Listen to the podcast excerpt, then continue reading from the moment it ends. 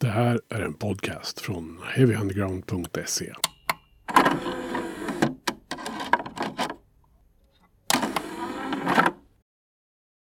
Heavy Undergrounds podcast levererar årets första klassikeravsnitt. Jag som säger det heter Magnus Tannegren. Och eh, det ska handla om en skiva eh, skapad av ett band vars frontman en gång sa To defy the laws of tradition is a crusade only for the brave. Eh, det var inte du Mischa Sedini som sa det. Kan ha varit jag när jag var typ 9-10. Jag är förvånad över att jag överlevde mina tonår. Ja. Välkommen till eh, podden min vän. Tack så mycket. Eh, det är dags. Vi har ju en oerhört ambitiös plan för det här året av våra klassikeravsnitt. Absolut, tio avsnitt. Det gäller att leverera. Ja, det gör ju det. Allt från året 1993. Ja, precis. Mm. Eh, och eh, skivan i fråga den här gången då, i det första avsnittet, är ingen mindre än Pork Soda av Primus. Vi konstaterade ju det att det var lite så här svårt att gräva fram saker och, och liksom få ihop det här lite grann. Ja, det är inte mycket eh, som står på Wikipedia och letar man artiklar med intervjuer med, med, med Les så finns det inte supermycket. Men eh, man har fått titta på lite, in, han gör ju ändå intervjuer så man har kollat YouTube så har man fått kunna pussla ihop ett och annat. Men det är ingen lätt pusselbit att dra ihop, det ska jag inte säga. Nej, och det kanske är lite symptomatiskt för bandet också för att det här är ju kanske inte den mest lättlyssnade rockmusiken som 90-talet bjöd på. Nej, verkligen inte. Man tar någon form av uh, funkbaserade riff, slänger in lite uh, emellanåt uh, polyrytmiska toner och sen så framfört i någon slags hårdrocksversion av Tom Waits. Mm. Och så ställer man basisten längst fram. Liksom. Mm. Både på scen och i ljudmixen. Ja, en blandning av Rush och Tom Waits. Ja. Eh, när liksom eh, upptäckte du Primus? Jag eh, är nog som 95% eh, av deras fans. Eh, jag hittade dem via My Name Is Mud. Som fångade mig musikaliskt och som fångade mig eh, med humorn i dess video.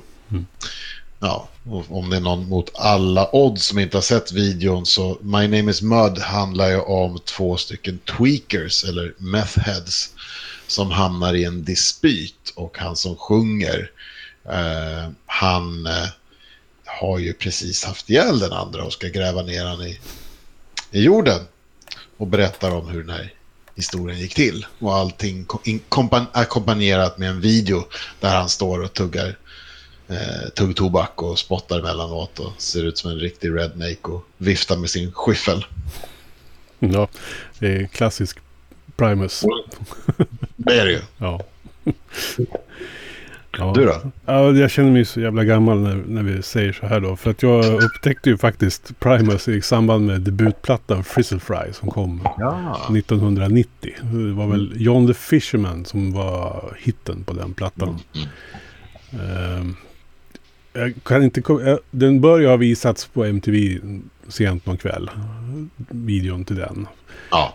Eh, sen kan det vara som vanligt med alla de här banden att eh, någon i Metallica har nämnt dem. För att vi ska komma till det också, kopplingen det bandet med det här bandet. Eh, så att eh, på den vägen är det. Och sen så är det ett sånt där band som det kittlar ju min. Jag är ju så här Zappa-barn. Liksom. Så att ja. jag, jag, kan ju stampa takten till vad som helst. Och mm. då är, är, ju Primus utmärkt om man inte vill ha liksom, fyra fjärdedelar. Utan man vill ha något annat än det. Men oftast har de ju fyra fjärdedelar men de slänger in en ganska rolig twist på det. Ja. Och det är mycket tack vare Tim Alexander. Mm. Men jag kommer till också sen. Ja. Nej, och sen så fastnade jag väl helt enkelt för just det här med att att det inte lät som någonting annat som Nej. fanns då. Och den humorn som de hade redan på den tiden. Mm. Mm. Ja, och sen så räcker det med att man säger att man gillade Zappa innan. Mm. Det är ganska bäddat för att man gillar Primus då. Ja, och det är kanske inte för musikens skull utan snarare ibland så kan jag tycka att texterna också är lite så här Zappa-stuk på. Mm. så här absur- absurda historier liksom. Om folk som råkar ut för saker. Va? Så, Ja, och så alltid med ett gammalt modigt eh, uttryck. Precis som du nämnde nyss, to defy the laws of tradition. Mm. Eh, det är inte ett språkbruk man normalt använder i texter. nej. Utan ofta så, ja, är texterna väldigt annorlunda. Men han använder mycket gammalmodiga ord. Mm. För att, ja. Sen har jag ju reflekterat över det. är humorn kanske det som folk mest fastnar för Primus på. Så tänker jag, average lyssnare liksom. Men lyssnare som på debutplattan så det finns en hel del mörkt på den också. Så här, Mm. Too many puppies. Som handlar om att det är för många som dör. Liksom, Mm. när de är unga och sådär. Så att, Mm. eh, ja, det är ett band med många, många sidor och många, ett ganska stort spektrum tycker jag ändå. Absolut. Mm. Jag menar bara den plattan vi ska prata om idag eh, har ju låtar som My Name Is Mud handlar ju om mord. Mm. Eh, Bob är ju självmord. Eh, och sen så vad har vi för mer låtar så att säga. Det finns ju fler av de här låtarna som har ganska dystra. Eh, du har Mr. Crinkle. Mm. Det är också ganska mörk. Så det är ju bakom all den här roligheten och, och humorn. Mm. Så precis som ni säger, det, är- det är mycket mörker. Men, ska vi liksom eh, gräva lite grann i Primus-bandet? Liksom? Var, Mm. var, var, var, vilka är de och var kommer de ifrån? Ja, vi kan ju börja med vår vän Leslie Edward Claypool, eller som han är mer känd som, Les Claypool. Han är ju faktiskt född 1963, vilket betyder att han fyller 60 år i år. Mm. Eh, född i Richmond, Kalifornien, strax norr om San Francisco, närheten av Oakland. Började spela bas när han var 14. Han var väl eh, son till en eh, hantverkarfamilj. Så att eh, han började lite med det först, liksom, innan han gjorde någonting annat. Eh, han är barndomsvän med Kirk Hammett, som vi skulle komma till. Eh, som försökte få med honom i Metallica efter Cliffs död. Mm. Men eh, de var väl hyfsat eh, överens allihop om att sådär. Eh, James Hetfield hade väl sagt att han var en kul karaktär. Och, Ja. och, och Claypool hade väl sagt någonting i stil med att jag tror han bara försökte vara snäll. Ja. Sen så finns så det det ju... blev ingenting. Nej. Men sen så finns det ju en fortsättning på den historien sen. Det- Ja, ja Det är Metallica just. Att, eh, han, han spelar ju, fick faktiskt spela med Metallica sen när de gjorde coverskivan Garage Inc. Som Jaha. kom slutet på 90 på, då gjorde de en Lynyrd Skynyrd cover som hette Ja. Tuesdays Gone. Och den är det Claypool som spelar på. jaha. Och vill man, vill man få någon form av inblick också i hur Metallica skulle kunna ha låtit om de hade valt Les Claypool Ja. som basist så finns det en, uh, har, Primus gjort en Metallica-cover också. Just det. Um, The, thing that, the things that should not be. just det. Och lyssnar man, bra ja, fast å andra sidan så förstår man ju att Metallica hade inte alls låtit som de gör idag. Om han hade Nej, fått vara med. Nej, och jag tycker det är ganska uppenbart. Jag kan se kopplingen. Mm. För att, alltså ändå, för att Cliff hade ju en sida till sig som ingen annan i Metallica hade. Mm. Eh, som just den där, som the thing that should not be. Eh, det är ju inte riktigt en, en, en Metallica-låt. Nej. Det, det är en Metallica-låt, men det är inte så de normalt låter. Och det är ju för att det är väldigt mycket Cliff Burton i den. Mm. Så jag tror att precis, de, de hade... Ja, de hade någonting speciellt i honom. Ja, det var ett, ett sidospår. Absolut. Mm. Sådana får vi ha hur många som helst tycker jag. Mm. I vår podd. Men hur som helst, eh, han bildade eh, Primus, fast i början hette de Primate, i mitten på 80-talet då. Med en... Eh, eh, Todd Huff hette gitarristen då. Och sen så de första åren så hade de en drös med trummisar.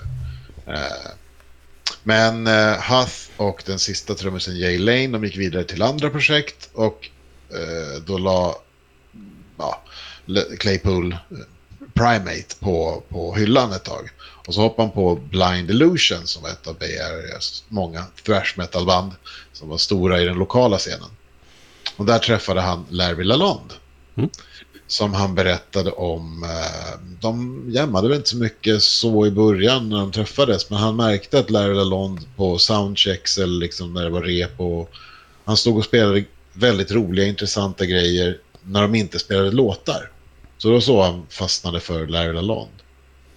Eh, men han stannade inte superlänge kvar i, i, i Blind Illusion. Men han var då med, dock med på, på skivan då, The Sane Asylum som finns på Spotify om man vill lyssna. Eh, innan han hoppade av och, och, ville satsa igen på Primus. Och denna gången så hade han med sig Larry Lalonde eh, från Blind Illusion. Och eh, även då Tim Alexander. Eh, men innan vi går vidare på själva historiken så, så, introducerar vi även Reed Lawrence Lalonde, eller Larry, eller Lur, som ju var född 68 i Oakland. Uh, inspirerad av Frank Zappa, Snake Finger och East Bay Ray. Så han hade ju bredden redan från starten. Mm. Och han var gitarrstudent under Joe Satriani. Så precis som Kirk Hammett var då?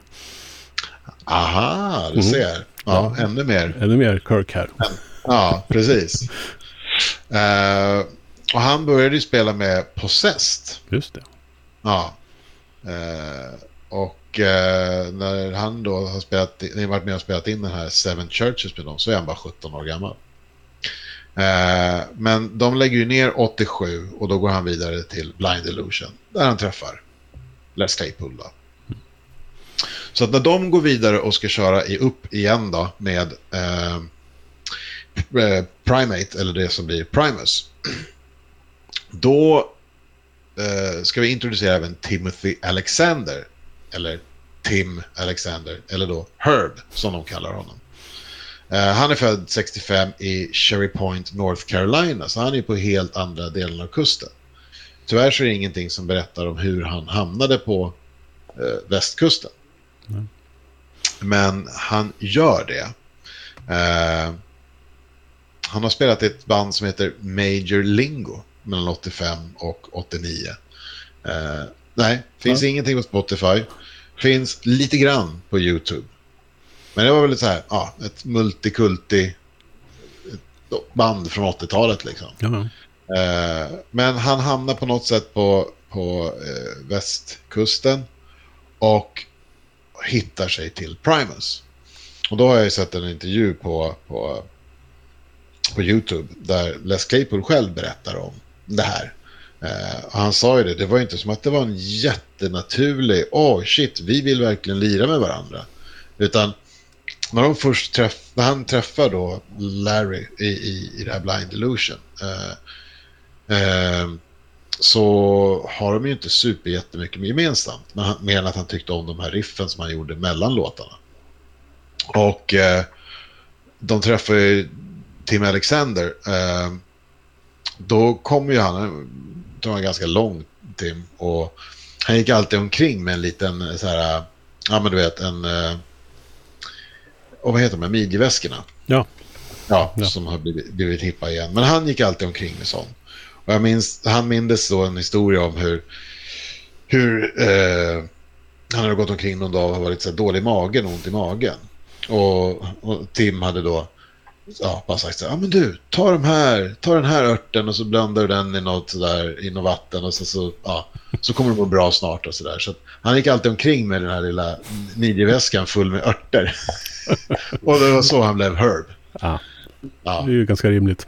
Ja, men de var ju en väldigt udda trio. Men det de upptäckte ganska direkt var ju att eh, de hittade någonting direkt så liksom att det flumgunget som, som Claypool och Lalonde hade det tog eh, Alexander och liksom tajtade till för han är ju liksom en väldig liksom eh, vad heter det? TikTok, TikTok, metronom. Mm. Mm. Eh, men på honom såg det inte så jäkla mycket mer än så. Man har liksom ingen mm. mer info om, om något liksom. Eh, men däremot så efter, och, eller under och efter Primus så har han gjort en hel del spännande saker. Och bland annat så har han... Eh, jag har ju alltid trott att det är eh, samma trummis på uh, Perfect Circles alla vax. Uh, nu kommer jag inte ihåg vad han heter, men han Suicidal Tendencies. Som han, han har gjort allt. Mm. Uh, men tydligen så på just The Hollow så är det Tim Alexander som spelar. Visste jag inte innan. Mm. Sen har han också gjort fyra album med Pussifer, Maynards sidoprojekt. Uh, och även ett inhopp med Blue Man Group. Det ser man. Vilket, ja. Vilket inte förvånar alls. Det låter väldigt Tim Alexander på något sätt. Uh, och då har vi kommit ikapp till liksom där hela Primus bildas. Och då får man ju komma ihåg att uh, om man tittar på de här tre första, du har en live-skiva och sen har du två studioalbum. Och ett gäng, på båda de studioalbumen så återfinns ju låtar ifrån den här första Suck on this, mm. som ju är ett livealbum som de har spelat in under två dagar. Eller på, på någon lokal. Och eh, de här låtarna fanns ju förmodligen redan då när de... För att som sagt, Les Claypool hade ju haft det Primate redan innan. Och för dem gick det ganska bra medan de spelade i, i San Francisco-området där. Eh, så att... Men hur som helst, de, de börjar spela och efter... Eh, eh det, är bara, det dröjer bara en månad. De får ett lån av Claypools pappa. Och så spelar de in den här debutskivan. Och det gör de nu typ en månad efter att de har bildats som band. Eh, och eh, med det så får man ju göra... Eh, ja, från det så får man ju liksom spridning på, på hela Primus musik. Och året efter så släpper man sitt första riktiga studioalbum då, Frizzle Fry, som du nämnde. Mm. Uh, uh, och med den får man möjlighet att göra videos. Uh, och en av dem figurerar, vem tror du? Kirk Hammett. Yes, jajamän. och på den skivan så får de också chansen att turnera. Och då har de bland annat spelat för bandet Janes Addiction. Men med den så växte ju deras popularitet och exponering. Så pass att Interscope Records plockar upp dem och signerar dem. Och då är man ju på ett stort bolag. Mm. Eh, så första skivan för dem blir ju Sailing the Seas of Cheese. Eh, och eh, med, på den så får man ju göra videos då och den, då börjar man få speltid på MTV. Eh, och då börjar det rulla lite grann. För då kommer ju också, med, med ett stort bolag så kommer ju också turnéerna. Och här är det roligt. För på, på tydligen så då på, på Sailing the Seas of Cheese så har man fått turnera med band som Anthrax, ganska logiskt, mm. Public Enemy, ganska logiskt, mm. Fishbone, ja, Rush, väldigt logiskt. Mm. Och U2. Shit. Det här har jag sökt mer information om och inte hittat någonting. Men tydligen så har Primus turnerat tidigt 90-tal med U2. Ja. Det är nog det konstigaste jag har hört faktiskt. Men står det på internet så är det sant. Förmodligen. Och vi har ju som ja. princip i den här podden att inte riktigt kolla fakta heller. Så att... Nej, precis. vi, vi, vi, är inte särskilt vän av, eh, vad heter det, faktagranskning. Nej, vi är vänner av rockmyter. Så att det, är liksom, ja. det är så det här kommer att gå till. Bara så ni vet. Så ja. Lite instick. Alla som lyssnar, håll inte emot oss. Uh, och det är den här grunden då. De här tre skivorna och uh, två långa år av turnéer eh, som ligger till grunden när, när det är dags att spela in vad som då komma ska bli Pork Soda. Bara en liten reflektion knyta tillbaka till liveplattan som de släppte först. Mm. Den går ju lite faktiskt en ganska fin tradition som jag vet inte om den var kanske inte unik för The Bay Area-området där. Men eh, i början där så cirkulerades ju alltså livekonserter på kassett med alla mm. de stora banden. Mm. Innan de fick möjlighet att spela in en demo eller ja, skivkontrakt. Sådär. Mm, mm. Så att det är ganska logiskt att man gör på samma sätt i Primus. Att fast, ja. man, fast man finansierar en skiva då liksom och gör av det. Men att det är just en liveinspelning som är det första som, som finns. Och det jag tycker är mest spännande det är ju faktiskt att det är ju det är redan här väldigt tidigt som, som, som Primus knyter an det här att de spelar in den själv. Och de liksom producerar den, mixar och, och fixar. Mm. Och det är ju rätt många av deras skivor som är så. Mm. Jag vet inte, jag har fått indikationer på att den här studion kom till tidigare, men Les har ju en egen studio. Och jag vet att de fick ju, ja men du vet så här, jag, jag tror att när de gjorde Tales from the Punch Bowl så låg de på Jeffen. Mm. Eh, eller om det var inte Scope via Jeffen, jag vet inte riktigt. Då, men ska jag fått en miljon dollar för att spela in den där. Och för det så, så ska han ha byggt en egen studio. Mm. Och det var det han gjorde då för att liksom, ja, så han fick ihop en studio. Sen gick de in och jammade i en vecka och så tog de ut de bästa partierna och släppte den. Och det är därför det finns låtar på Pork Soda som de bara, nej förlåt, på Tales from the Punch Bowl som bara slutar. Mm. De, klippte, de klippte när jammet började bli dåligt. Ja. Så enkelt. Och så fick man en miljon man kunde bygga en studio för. ja. Det är fascinerande. Mm, mycket.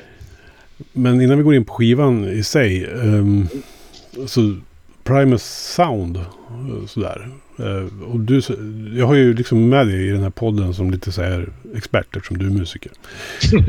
jag kan ju bara säga hur, hur, hur jag tycker att det låter. Men från ditt perspektiv, liksom, vad, vad är det som gör Primus unikt?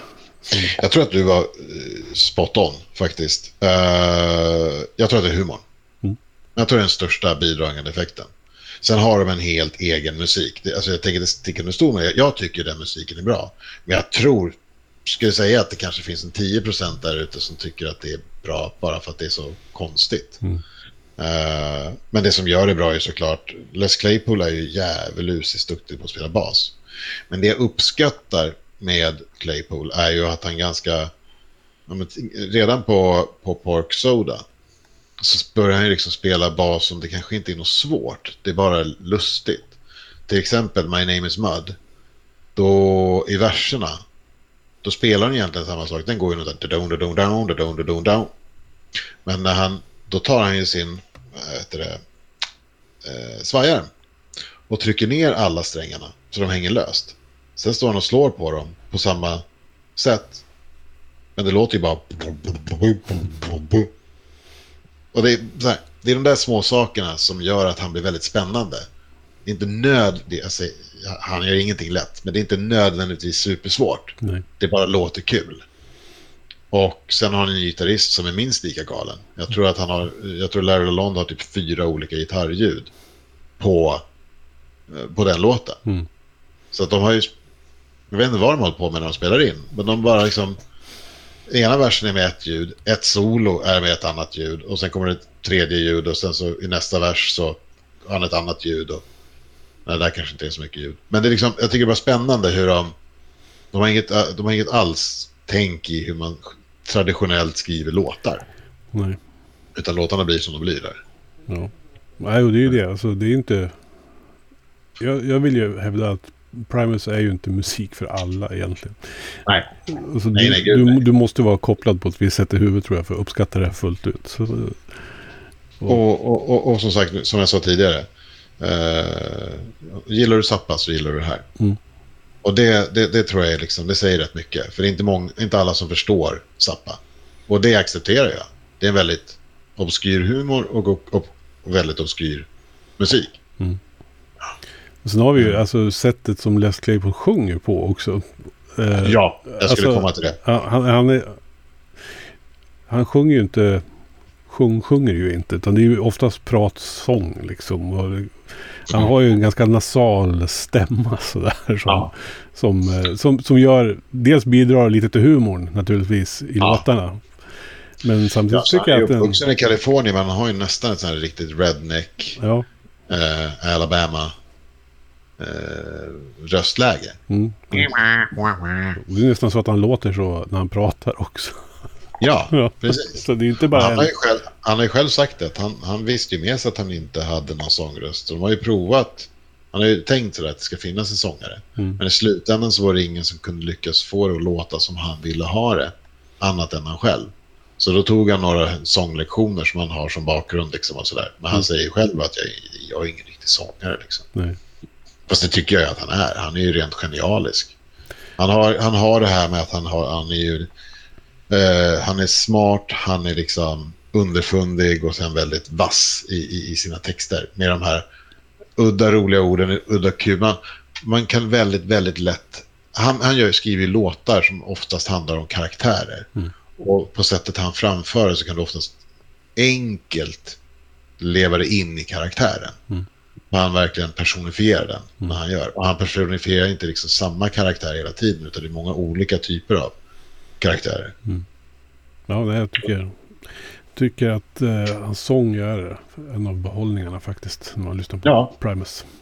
Och det är lite roligt för den är inte egentligen särskilt behaglig. Nej. Men eh, det är precis det där. Du har humorn och du har det. Man kan ju liksom lägga in ganska ja, mörka. Han han får musiken att bli lite mörkare helt enkelt. Mm. Med sin röst, kan jag tycka. Och den blir ju som ett instrument i sig. När han sjunger på det där sättet tycker jag. Som liksom det, det fjärde instrumentet på något sätt i, i sättningen. Liksom. Ja, men, herregud, det är bara att ta, vet du det, vad hade Tommy the Cat varit utan just Say baby do you wanna lay down by me, say baby do you wanna lay up me. Mm. Så, så han har ju rytmiken, Mm. något fruktansvärt, ja, och använder det. Mm.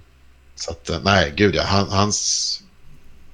Det är ganska många, jag brukar tänka på det där lite grann, om man typ, typ lyssnar på Tools Ainima. Maynard gör fantastiska texter, absolut. Men det häftiga är ju att hans röst är ju många gånger det femte instrumentet. Om man tänker på typ Third Eye när han kör bara "Wah, da, da, da, da, da." Och, liksom, och Maynard är, det, eh, Claypool är ju lite likadan. Mm. Han, eh, han hittar de här rytmerna som förgyller låten lite extra. Det är redan bra, men det blir lite bättre när han kommer med sina eh, ja, Winonas Big Brown Beaver och liksom, ja. Sen är det väl sättet han fraserar det på ibland också. Alltså när han drar på vissa stavelser och ord. I, och det där har han ju gemensamt med Frank Zappa då. För jag tycker att Zappa också var väldigt bra på att använda språkets melodi och sen dra Ja. ut vokaler och liksom när det, för att få till melodin. Liksom, fast det kanske inte nödvändigtvis rimmar. Men han, han gör, de gör det på ett sätt liksom, som att, så att ordet böjs till så att det stämmer. eh, Rent men melodiskt. Och som Tommy the Cat är ju mer en berättelse Mm. innan de kommer in på det här som jag nyss sa om. Och så han drar en berättelse. Och så där är ju Zappa hur ofta som helst. Mm. Många gånger så är det just så. Mm. Att han, han de, båda de berättar mer historier i musiken. Men ska vi ta och hugga in i Pork Soda? Eh, plattan som liksom är ämnet för avsnittet. Eh, vad, Ja. vad börjar man om man ska börja prata om den tycker du? Jag vet inte. Eh, jag tror man kan börja med att, eh, som du säger, det har ju varit... Uh, Primus har ju haft mörker förut i sin... Men jag tror att de är inne på ett nytt spår även i musikaliskt här. För många har ju sagt att det här var liksom deras första riktigt mörka skiva. Eh, och jag vet att det var någon som sa sådär att eh, det är en väldigt... eh, det är en väldigt udda platta även för att vara Primus. Eh, så att är man nybörjarlyssnare så ska man nog gå via deras två första, Frizzle Fry och Sailing the Cheese of Cheese. Eh, så att man, det, det krävs lite att man känner sitt Primus för att kunna sätta sig in i den här plattan. Mm. Eh, och de har ju själva sagt lite sådär att, att de var lite i ett, ett, ett lite, lite tyngre sinnesstämning. Det var ingen som var deppig, de hade nog fortfarande väldigt kul. Men rent musikmässigt så var de inne på lite mörkare spår. Och det märks ju på den här då. Som just tar upp utanförskap, mord och självmord. Eh, det som är kul är väl att den går raka vägen in på Billboard-listans sjunde plats och genererar fyra singlar. Och bland dem deras största hit till dagsdatum då. Med dagsdatum menar jag Pork Soda. För sen kommer ju en låt till och blir en ännu större hit. Och lite kontrovers i Winonas Big Brown Beaver. Ehm, så det är nog där man börjar lite med den. Uh, har inte läst så mycket om hur den inspelad var och liksom. För att som sagt, ja.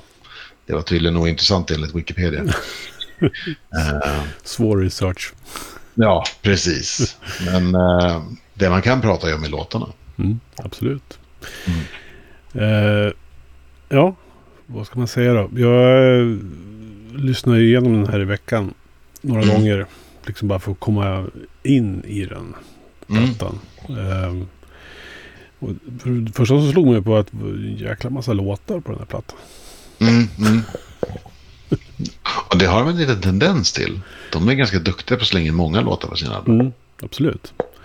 Eh, och de är ju ganska varierande ändå tycker jag. Men det har ju allt från hits till... Så, Mm. Jag uppskattar ju... Man har kommit så långt i skivan och kanske om man ska uttrycka det så har orkat tagit sig så pass långt genom skivan. Eh, Mm. När vi kommer till en låt som Hamburger Train som är åtta minuter. Som övergår i något så här... Det vi pratade om det tidigare med de här jam-delarna. Liksom, att de, de Ja. går över i någon sorts... Om det är andra halvan på den låten så är det bara liksom rytm egentligen som mal på. Ja. Liksom, tills den slutar. Någon solo på solo på solo. ja. Nej, men jag tyckte det var någon som skrev det ganska bra. Det finns några fillers. Det var någon som har gjort en recension som skrev att det, det finns några fillers, men i övrigt så är det en väldigt, väldigt vass platta. Mm. Och det är jag benägen att hålla med. Jag tycker Hamburger Train det är en liten fylllåt. ja. När man bara gör ett åtta minuters jam som går ganska... Nej, säger mig inte jättemycket. Nej. Men du har ju My Name Is och utanför den du har ju Welcome to this world som också är någon sån här, ja, ganska... De är ju ganska duktiga på att börja lite lågmält och sen kommer någon explosion. Mm. Eh, och det är väl en utav dem. Sen har du den här väldigt mörka Bob som ju liksom... I had a friend that took a belt, took a belt and hung himself. Hung himself in the doorway of the apartment where he lived. Det är liksom så den låten börjar. Eh, och eh, sen har du ju DMV. Eh, och DMV är ju Trafikverket lite där man, eller åtminstone där, där man tar eh, körkort Ja, just i USA. Och han öppnar låten med I've been to hell, I spell it DMV.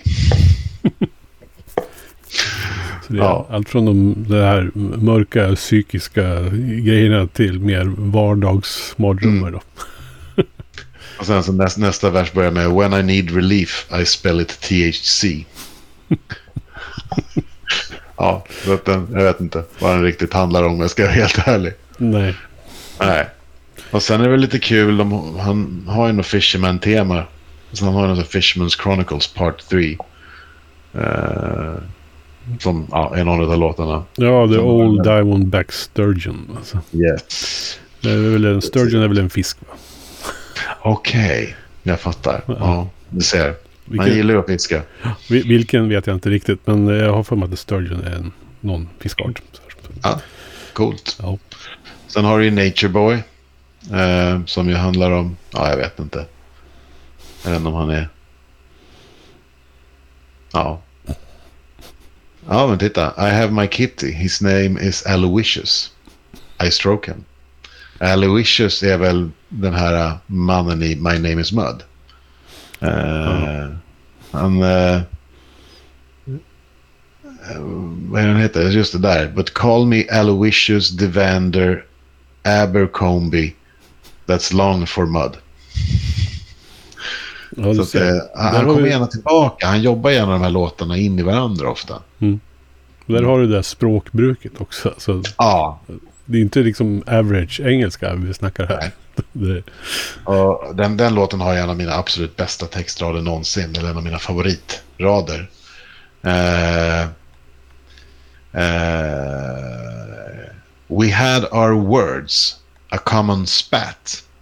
So I kissed him upside the cranium with an alum- aluminum, aluminum baseball bat. My name is Mud. Det är ett fint sätt att uttrycka att man har ihjäl någon. mm. Mm. Ja. Och sen får man ju inte glömma Mr. Crinkle som ju har faktiskt en av världens topp tre eh, musikvideos gjord i en tagning. Det är så. Har Mm. han missat tror jag faktiskt. Man ska vara helt ärlig. Ja, Åh, då är det det första du gör efter att vi är klara med det här avsnittet. absolut. Eh, det är så mycket. De har ju fått låna någon stor lokal som de släcker ner och sen så har de bjudit in alla sina kompisar som gör någon form av cirkustrick eller någon performance-grej och slängt in. Och sen så gör de en, liksom en sån här, ja, allt bygger på att alla ska veta vad de gör inom loppet av de här fyra och en halv minuterna. Mm. Och du vet, det är bara så mycket. Jag tror att så här, Larry Lalonde är klädd som Ace Frehley med något jättemycket större hår. Och, och det är folk som kommer cyklandes på såna här stora enhjulingar. Eh, och det finns folk som går på kryckor och ja, du vet, alltihopa. Mm. Någon som jonglerar med eld och ja, det bara händer hur mycket som helst i den låten. Ja. Så att, eh, nej, den rekommenderar alla att titta på. Mm. Eh, ja. Nej, men så det finns ju väldigt, som sagt, några, några fillers, men väldigt många klassiker. Mm. Fler än jag ville komma ihåg från den. Jag tyckte det var lite roligt där som du sa, för jag har också lyssnat på den ett gäng gånger nu inför att vi ska göra det här. För att vissa, vissa skivor blir ju inte att man lyssnar på så mycket, man minns dem som bra. Så nu är jag tvungen att lyssna på den igen. Men jag tycker eh, jag hittade fler låtar jag faktiskt genuint tyckte var bra än vad jag gjort tidigare. Jag tror att när, vi, när jag började lyssna på Primus så var det typ så, men jag gillade eh, My Name Is Mud och DMV. Och det var ju två av de videorna som gick. Mm. Men så här i efterhand så inser jag att den är ju smått genialisk den här plattan. Det är en lite rolig historia om My Name Is Mud också när de spelade den på Woodstock 94. Ja. Eh, det tog ju typ en minut in i den låten så började ju folk kasta lera på dem på scenen. Ja. Det är ju legendariskt när Les stannar upp och säger Well I opened a big ass can of worms with that one, didn't I? The song is called My name is Mud, but keep the mud to yourself you sons of bitches. Och då har vi återigen språkbruket. ja, Och så man tänker på hans röst på det där också. ja. I opened a can of... Ja. ja. Och så är han väldigt karaktär... Han har ju alltid någon form av så här läder-cowboyhatt på sig. Mm. Det är ganska karaktäristiskt. Hattar är hans grej liksom. Eller Ja, huvudbonader. Jag har sett honom i både kepsar och hattar. Och jag vet inte, Ja. Det är lite som att Nej. han spökar ut sig på något sätt fast ändå inte. Det, Han är ju så... Ja, precis. Han har ju... Även när han kör Colonel, Colonel Claypools Flying Frog Brigade. Då kör han ju hela tiden någon eh, sån här... Eh, då kör han någon militärhjälm på varje gig. Mm. Men det är också en sån här kul grej. Han är ju så... Jag vet inte, han... De, alltså de blir ju, även om de inte alltid är med i bandet så är de ju alltid vänner på något sätt. Ehm, och jag tänker då först på, han gjorde ju någon skiva som hette Sausage. Mhm. Om du känner till den. mm, jag känner igen namnet ja. Ja. Och den släpper han ett par år in med Primus. Jag tror att det är efter Pork Soda. Men han gör det med de gamla originalmedlemmarna i Primate då som innan eh, Tim och Le- Les kom in då i det hela. Mm. Eh, och där gör han låtar som eh, sedan återfinns på för Flying Frog Brigade, de släppte inga studioalbum. Utan det var bara live. Så att, och jag tror hans, nu gissar jag, killgissar. Jag tror att de släppte först ett livealbum. Och sen släppte de en duo av livealbum. Och då gjorde de en sån här grej som de skulle gjort i Stockholm om de hade kommit hit. Eh, då spelar de först ett helt set. Eh, med lite blandade låtar. Det är någon King Crimson cover och det är lite, ett par låtar från Sausage. Och lite andra eh, låtar. Och sen avslutar de med eh, Shine On You Crazy Diamond. ja. Och då säger han i slutet på den We'll be back in 30 minutes with some more eh, Pink Floyd. Och då släppte de även livealbum nummer två som är det de spelar in direkt efter det. Och då spelar de hela eh, Pink Floyds eh, Animals-plattan. Det här ligger på Spotify så det kan du lyssna på också. Mm. Men... eh, och det här gör han samtidigt då. Med, med, och då är det igen samma killar från det gamla Primus. Gitarrist och trummis. Och så lite andra musiker. Och mycket blås och, och sånt där. Eh, så att det, det, det gjorde han samtidigt som han gjorde Primus.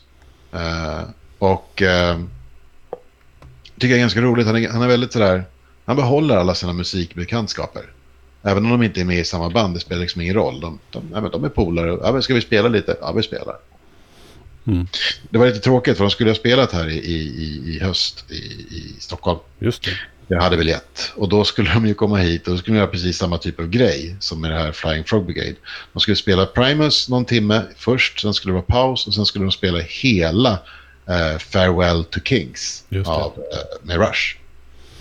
Också var sån här, så jag fick ju börja lyssna på Rush där så jag skulle liksom veta någonstans hur de här låtarna gick så jag kunde jämföra och liksom vara med. Men det var förgäves.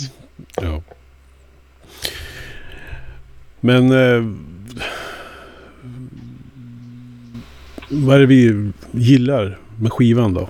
Alltså vad är det liksom... Vad är det som gör den så pass bra att vi har valt att ta med den här tycker du? Jag tycker att den har... Jag tycker den är viktig att ta med här för att Primus är ett viktigt band.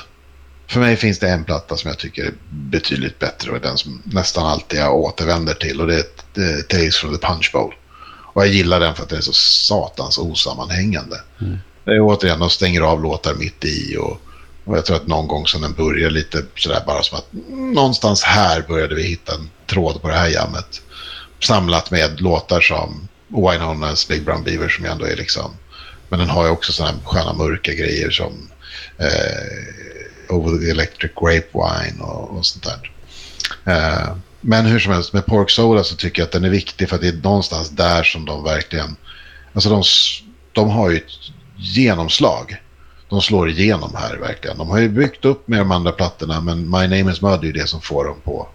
Och den, och den går in på sjunde plats på Billboard-listan. Mm. Det första den gör. Mm. Så den, plattan är eftertraktad också. Och sen är den så satans märklig. Mm.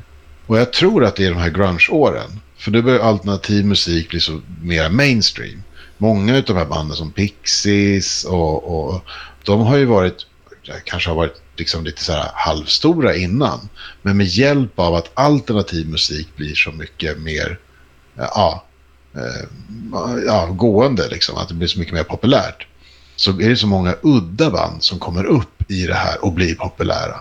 Så det, det som explod, det som redan har legat och grott före 91 men som har exploderat med Nirvana. Det ger väldigt många udda akter en chans att bli ja, populära på MTV och, och så. Och Primus är ett av de banden och det är kanske det mest, egentligen kanske ett av de konstigaste banden som har gått på MTV. Mm. Uh, om man inte ska räkna med den jättekonstiga megahitten uh, System of a Down. Mm. För de var ju också ett sånt band som sen blev så här. Det gick ju dygnet runt på MTV. Mm. Men vad fan. Det kom ju kids som hade liksom lyssnat på, ja men hade lyssnat på Dunka Dunka. Eh, som jag kallar all musik som inte är hårdrock.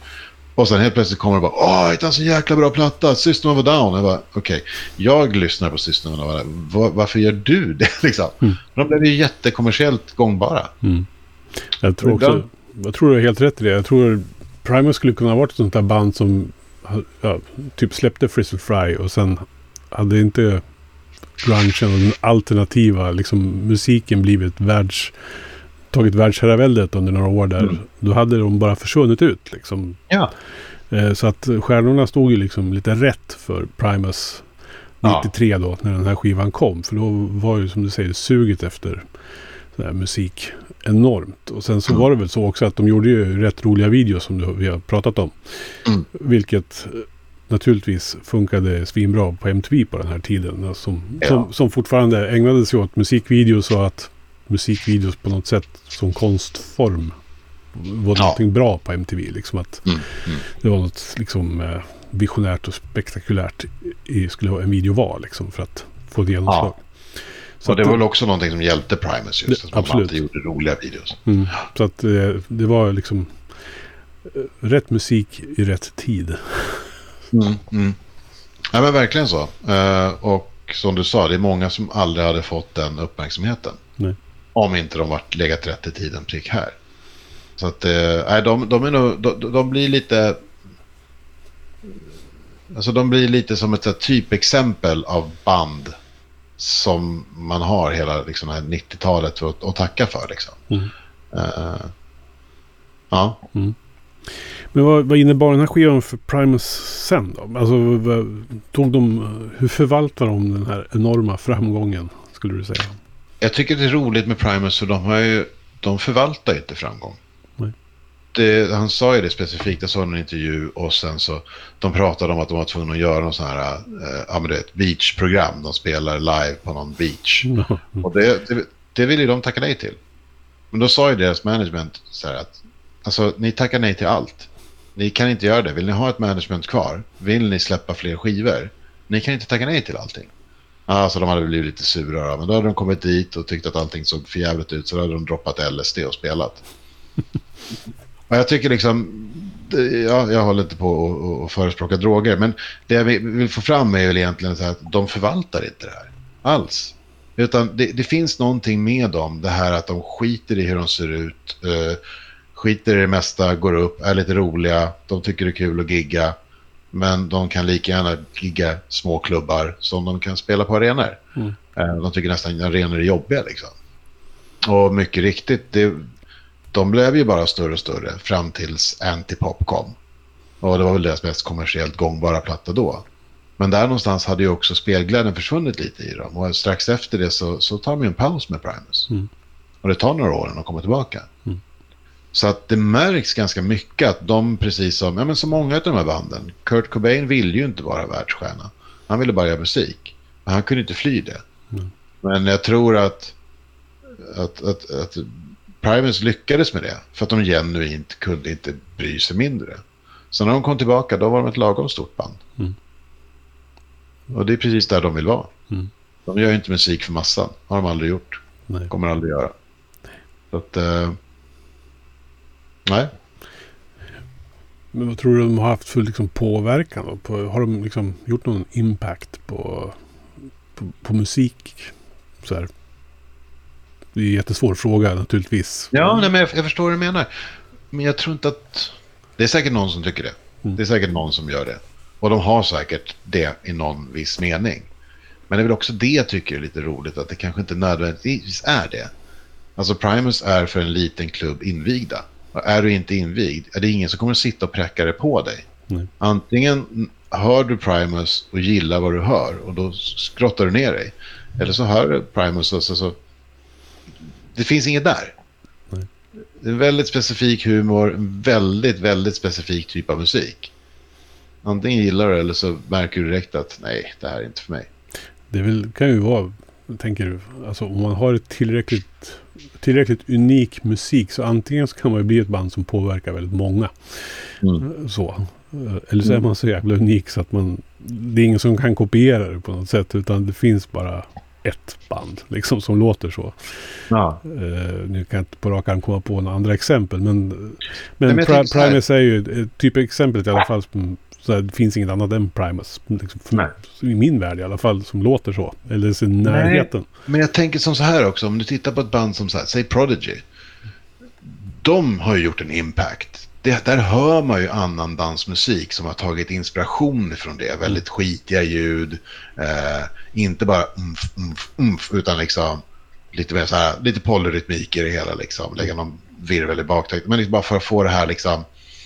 ehm, ja, och jag tänker det är många som sådana här. eh, jag, jag vet inte. Men det känns som att jag kan dra en röd tråd mellan mycket musik som kom efter dem.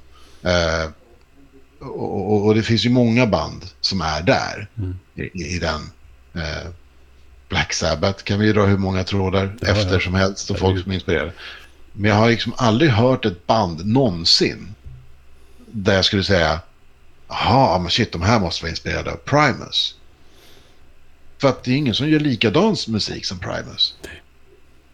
Utan de har ett väldigt karaktäristiskt. Sen kan det ju finnas folk som är så här, jag älskar Primus och det jag kan se i min egen musik är väl så här, slap bass eller vi skriver låtar som har mörka teman. Ja, men förstår du? Mm. Det kan finnas så specifika Mm. eh, delar. Men det är ingen som tar hela paketet och gör någonting liknande. Nej. För det skulle, ju bara, det skulle bara låta som en dålig kopia. Exakt. Ja. Så det, är liksom, det, är inte, det är inte ett lätt band att, att göra något eftermäle heller. Nej. Är du med? Då, tar, då kan man ju bara ta deras teori. Vi skapar musik fritt. Mm. Absolut. Men då kan det ju bli, det kan bli jazz, det kan bli, eh, du vet, prog metal. De gillar deras tankesätt. Men det syns ju inte i musiken. Nej. Nej. Så det är svårt att liksom, se något direkt eftermäle. Men nu för tiden, alltså nu, de turnerar ju ganska regelbundet ändå. Mm. Eh, nu är jag inte riktigt helt med på diskografin, men när släppte de någonting senast? Ha, i år. finns år. en trespårs, eh, trespårs EP. Just det. Mm. Men, Och sen så släppte de väl 2007 den här The Death Rating 7 va? Just det. Men det är ju ändå rätt skönt att se liksom att ett band efter, de, efter sin paus liksom, så här, kunde komma tillbaka och vara på någon nivå ändå som Mm. bara, det tuffar på liksom. Och det är fortfarande bra. Alltså, det, det, men det är ju som vad som helst. Har du gjort någonting som ett yrke förut och så vill du fortsätta det så har du ett bra namn och du har bra låtar. Det är klart du kommer tillbaka till det där. Mm. Så där gör ju Rage Against Machine också. De åker gärna på turné. Men det finns inga planer på att spela in nytt material. Nej. Och jag tror att, ja, nu släppte ju Primus ganska nyligen ny musik. Men jag tror att de har, jag tror till och med att jag läste någon intervju där de just sa det, att vi, vi gärna är ihop och spelar. Men det här med att skriva ny musik, det är liksom ingenting vi lägger som någon press på att vi måste göra. Nej. Vi har ett gäng skivor bakåt som vi kan spela väldigt mycket bra låtar som vi fortfarande tycker är roliga att spela. Mm. Så det ska ligga någonting väldigt, väldigt exceptionellt innan vi ska... Man kan säga här, de är Iron Maidens totala motsatser. Ja. Maiden tror ju fortfarande att de måste släppa musik emellanåt för att det ska funka. Men de skulle ju kunna turnera på, de skulle kunna turnera på 80-talet rakt av och klara sig jättefint. Det är ju till och med det är väl en av få ödmjuka saker som någon, som Gene Simmons eller Paul Stanley har sagt i Kiss också. Mm. Eh, Nu spelar de in Psycho Circus då. Det var den Ja. sista studioskivan. Men efter den så har de ju konsekvent sagt att nej, det blir ingen mer skiva. För att det skulle inte vara någon poäng. Folk vill höra hitsen. Och då åker vi och spelar hitsen. Där är ju en marknadsanalys bara som de har gjort Ja, antagligen ja. för att det är det som kommer att dra in cashen. Liksom. Men, men, men ändå en, en insikt på någonstans. Att det kommer inte att bli bättre än, kommer inte att bli bättre än Detroit Rock City. Sen så är det, så är det så. Mm. Jag, gråter, jag gråter hela vägen till banken på den. liksom. Maiden skulle kunna släppt de senaste liksom, fem plattorna under ett annat namn. Ja, De hade inte behövt turnera för det, för det var ändå ingen som ville höra dem. nej. Nej. Ja, nej men det är, jag är glad att eh, Primus fortfarande finns i, här i världen. Liksom, och, Ja, ja, ja. Och, och, som en entitet liksom. Som band tycker jag att de är lite som, eh, vet du det, som eh, Hunter S. Thompson säger till Gonzo när han går på sitt flygplan. Mm. There it goes, one of a kind. Eh, too rare to live, too ra- rare to die. N- never ever, uh? Eh, not meant for mass production. Nej. Och det tänker jag liksom på, på Primus. De gör sin grej, det är bara Primus, det är bara vinka och le. Eh, ja, jag tror vi har gått i mål med Primus och Pork Soda. eh, För det här avsnittet i alla fall. Eh, Kul! Vi uppmanar ju som liksom alla våra lyssnare att ta sig tid att lyssna på den här plattan. Eh, Ja. Så att man verkligen kommer... det- är ett state of mind att lyssna på Primus. Mm. Sådär. Men eh, Och, och i synnerhet titta på både videon till My Name Is Mud om man inte har sett den och helt klart Mr. Crinkle. vi länkar till allt det där i eh, den lilla faktarutan om det här avsnittet under valfri spelare sen. Så att, eh, kolla upp det där. Du Mischa, nu har vi klarat av del 1 av 10 om 1993. Kändes det bra? Det kändes jättebra. Mm. Och lite vemodigt för nu är det bara nio avsnitt kvar. Ja, Jag ska fråga dig vid avsnitt 8 sen om du fortfarande känner så. Jag, jag, jag kan säga att jag är redo för 94 redan nu. Oj då. Ja, jag ser fram emot det också. Ja, Eh, ja, vi eh, släpper de här klassikeravsnitten första lördagen varje månad. Så är det tänkt. Ehm, så om eh, en månad då så tar vi tag i nästa platta. precis. Mm. Och det här avsnittet släpps då den 4 mars. Det gör det. Mm. Eh, ja, till dess då, Mischa. Ha det bra Ja. och så hörs vi sen. Samma, plugga på. Du har lyssnat på en podcast från heavyunderground.se. Jag som säger det heter Magnus Tannegren och är den som producerar och intervjuar i den här podcasten. Vill du veta mer om det här avsnittet eller om podcasten i allmänhet? Besök heavyunderground.se eller leta upp oss på de sociala kanalerna på Facebook och Instagram. Tack för att just du har lyssnat. Hey, I met you. You are not cool. I know. Even when I thought I was, I knew I wasn't. Because we are uncool. I'm glad you were home. I'm always home. I'm uncool. Me too. You're doing great. You know, the only true currency in this bankrupt world is what you share with someone else when you're